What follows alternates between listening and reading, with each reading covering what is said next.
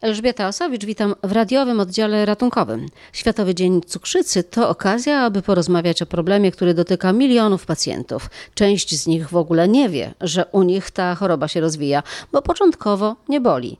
Daje jednak o sobie znać i wystarczy odpowiednio zinterpretować sygnały. Tym bardziej, że początkowo może być odwracalna, potem staje się chorobą przewlekłą, z którą trzeba zmagać się przez całe życie. O tym, jak rozpoznać, zapobiegać i leczyć cukrzycę i o popularnym leku dla cukrzyków, który pozwala schudnąć, mówi endokrynolog i diabetolog z czwartego Wojskowego Szpitala Klinicznego we Wrocławiu, dr Justyna Lisiewicz-Jakubaszko. Cukrzyca to jest pandemia. Pandemia naszych czasów, y, niezakaźna, o coraz większym zasięgu. W Polsce ponad 3 miliony osób choruje na cukrzycę. Szacuje się, że około miliona nie wie o tym, że ma cukrzycę. Na świecie ponad 400 milionów. I obserwujemy trend wzrostowy. Niewątpliwie czasy, a głównie pandemia, przyczyniła się również do wzrostu zachorowania.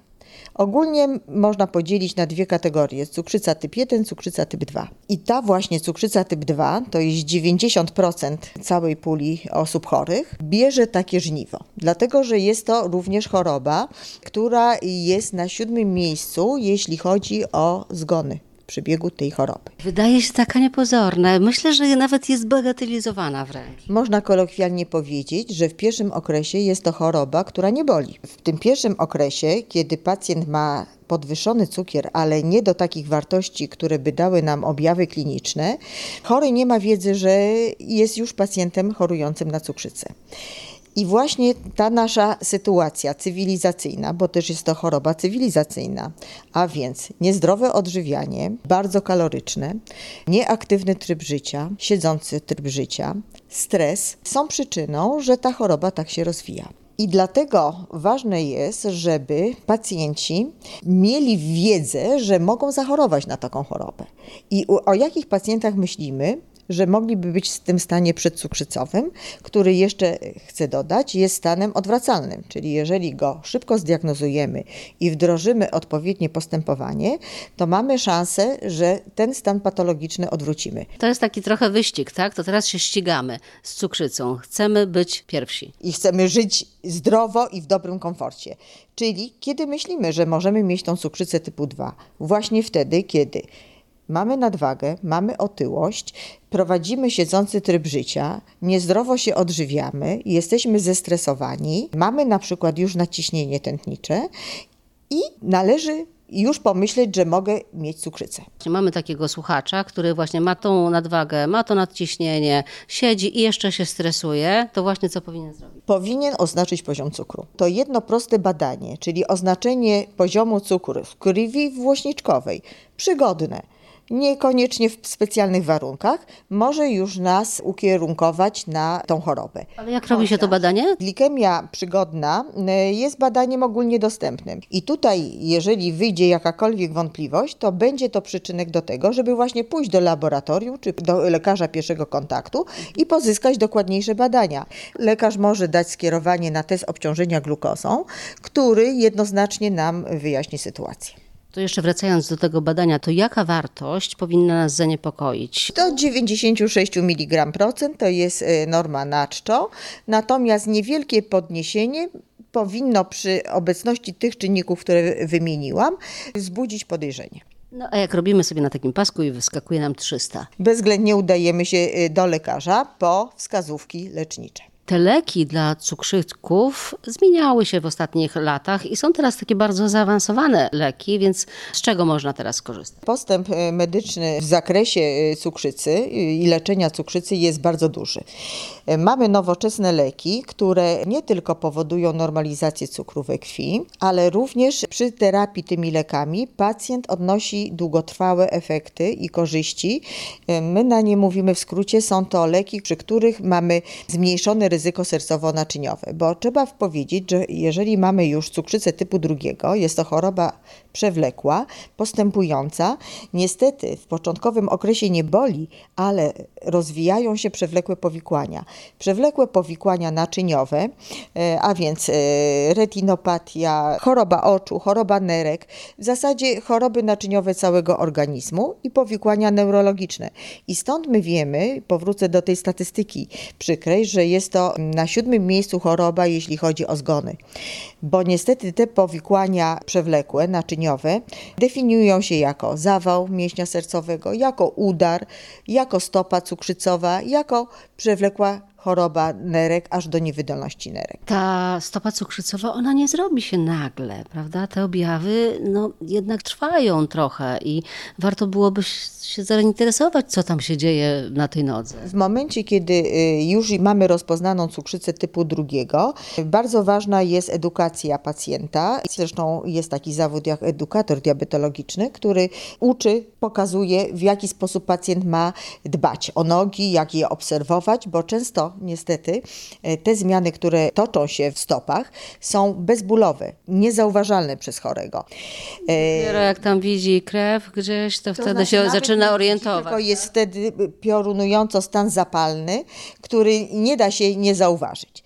Natomiast poza stopą cukrzycową, tak naprawdę, jeżeli już mamy cukrzycę, no to przede wszystkim musimy zmienić swój dotychczasowy styl życia, czyli musimy wprowadzić zdrową, dobrą dietę. Jaka to jest dobra, zdrowa dieta dla cukrzyka? Dla cukrzyka zdrowa dieta to jest ograniczeniem cukrów prostych i tłuszczy zwierzęcych.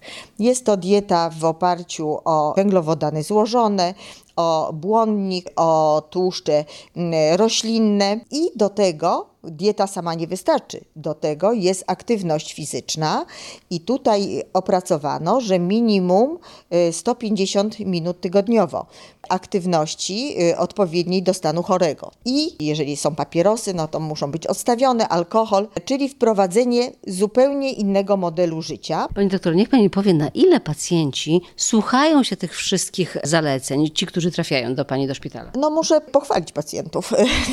Generalnie w momencie, kiedy pacjent wie, że y, choruje na cukrzycę typ 2 i do tego lekarz y, poświęci mu czas i wytłumaczy, jaka to jest choroba i czym skutkuje, i jednocześnie wytłumaczy zasady leczenia i powie, że stosując prawidłowo się do tych wszystkich zasad, tak naprawdę mamy możliwość lepszego życia i uniknięcia tych powikłań śmiertelnych, to pacjenci się stosują wtedy do tych zaleceń. Ale z drugiej strony znam starsze osoby, które dla nich zmiana diety to jest w ogóle coś niewykonalnego. No też musimy tutaj rozgraniczyć pacjentów niestety co do kategorii wiekowych, bo yy, inaczej, yy, inne cele terapeutyczne stawiamy pacjentom młodym, u, których jest jeszcze potencjalnie długie życie przed nimi, a też y, inaczej u pacjentów seniorów, czyli u pacjentów powyżej 80 roku życia.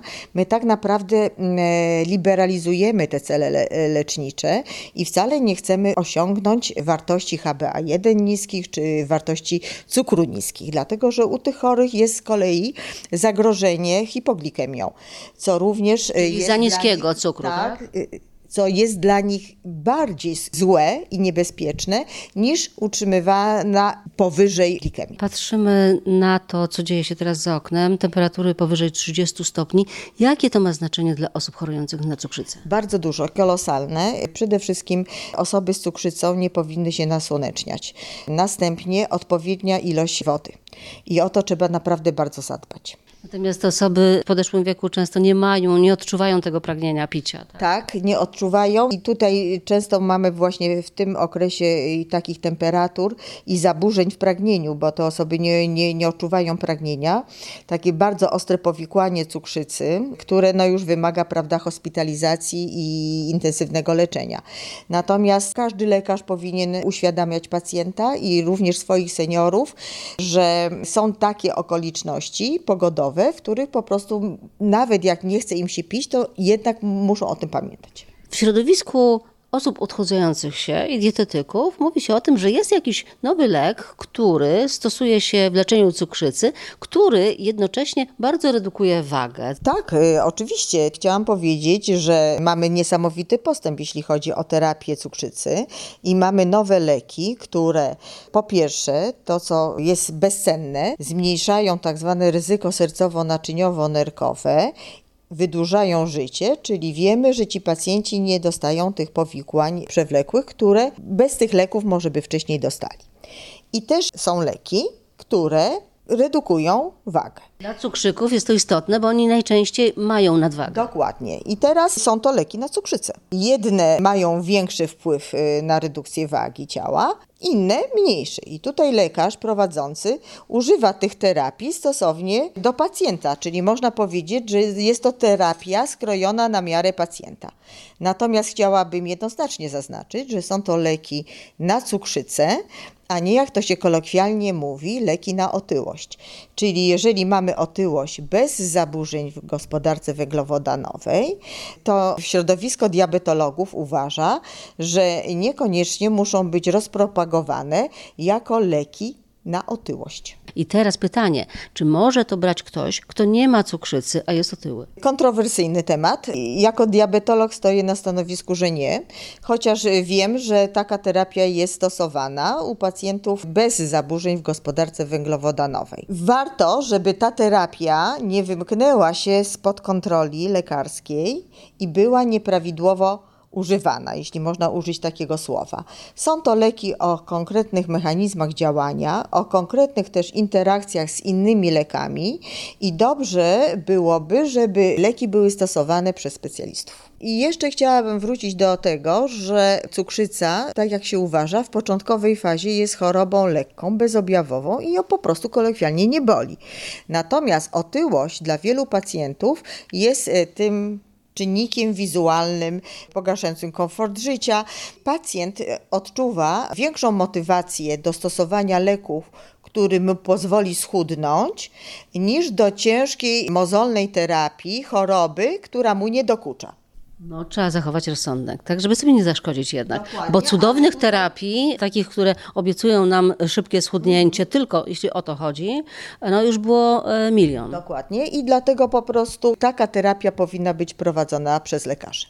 Cukrzycą typu drugiego da się żyć. Da się żyć pod warunkiem właśnie zmian stylu życia, czyli wprowadzenia diety, aktywności ruchowej i pomocy y, lekarskiej. W radiowym oddziale ratunkowym dziś to już wszystko. Elżbieta Osowicz, do usłyszenia.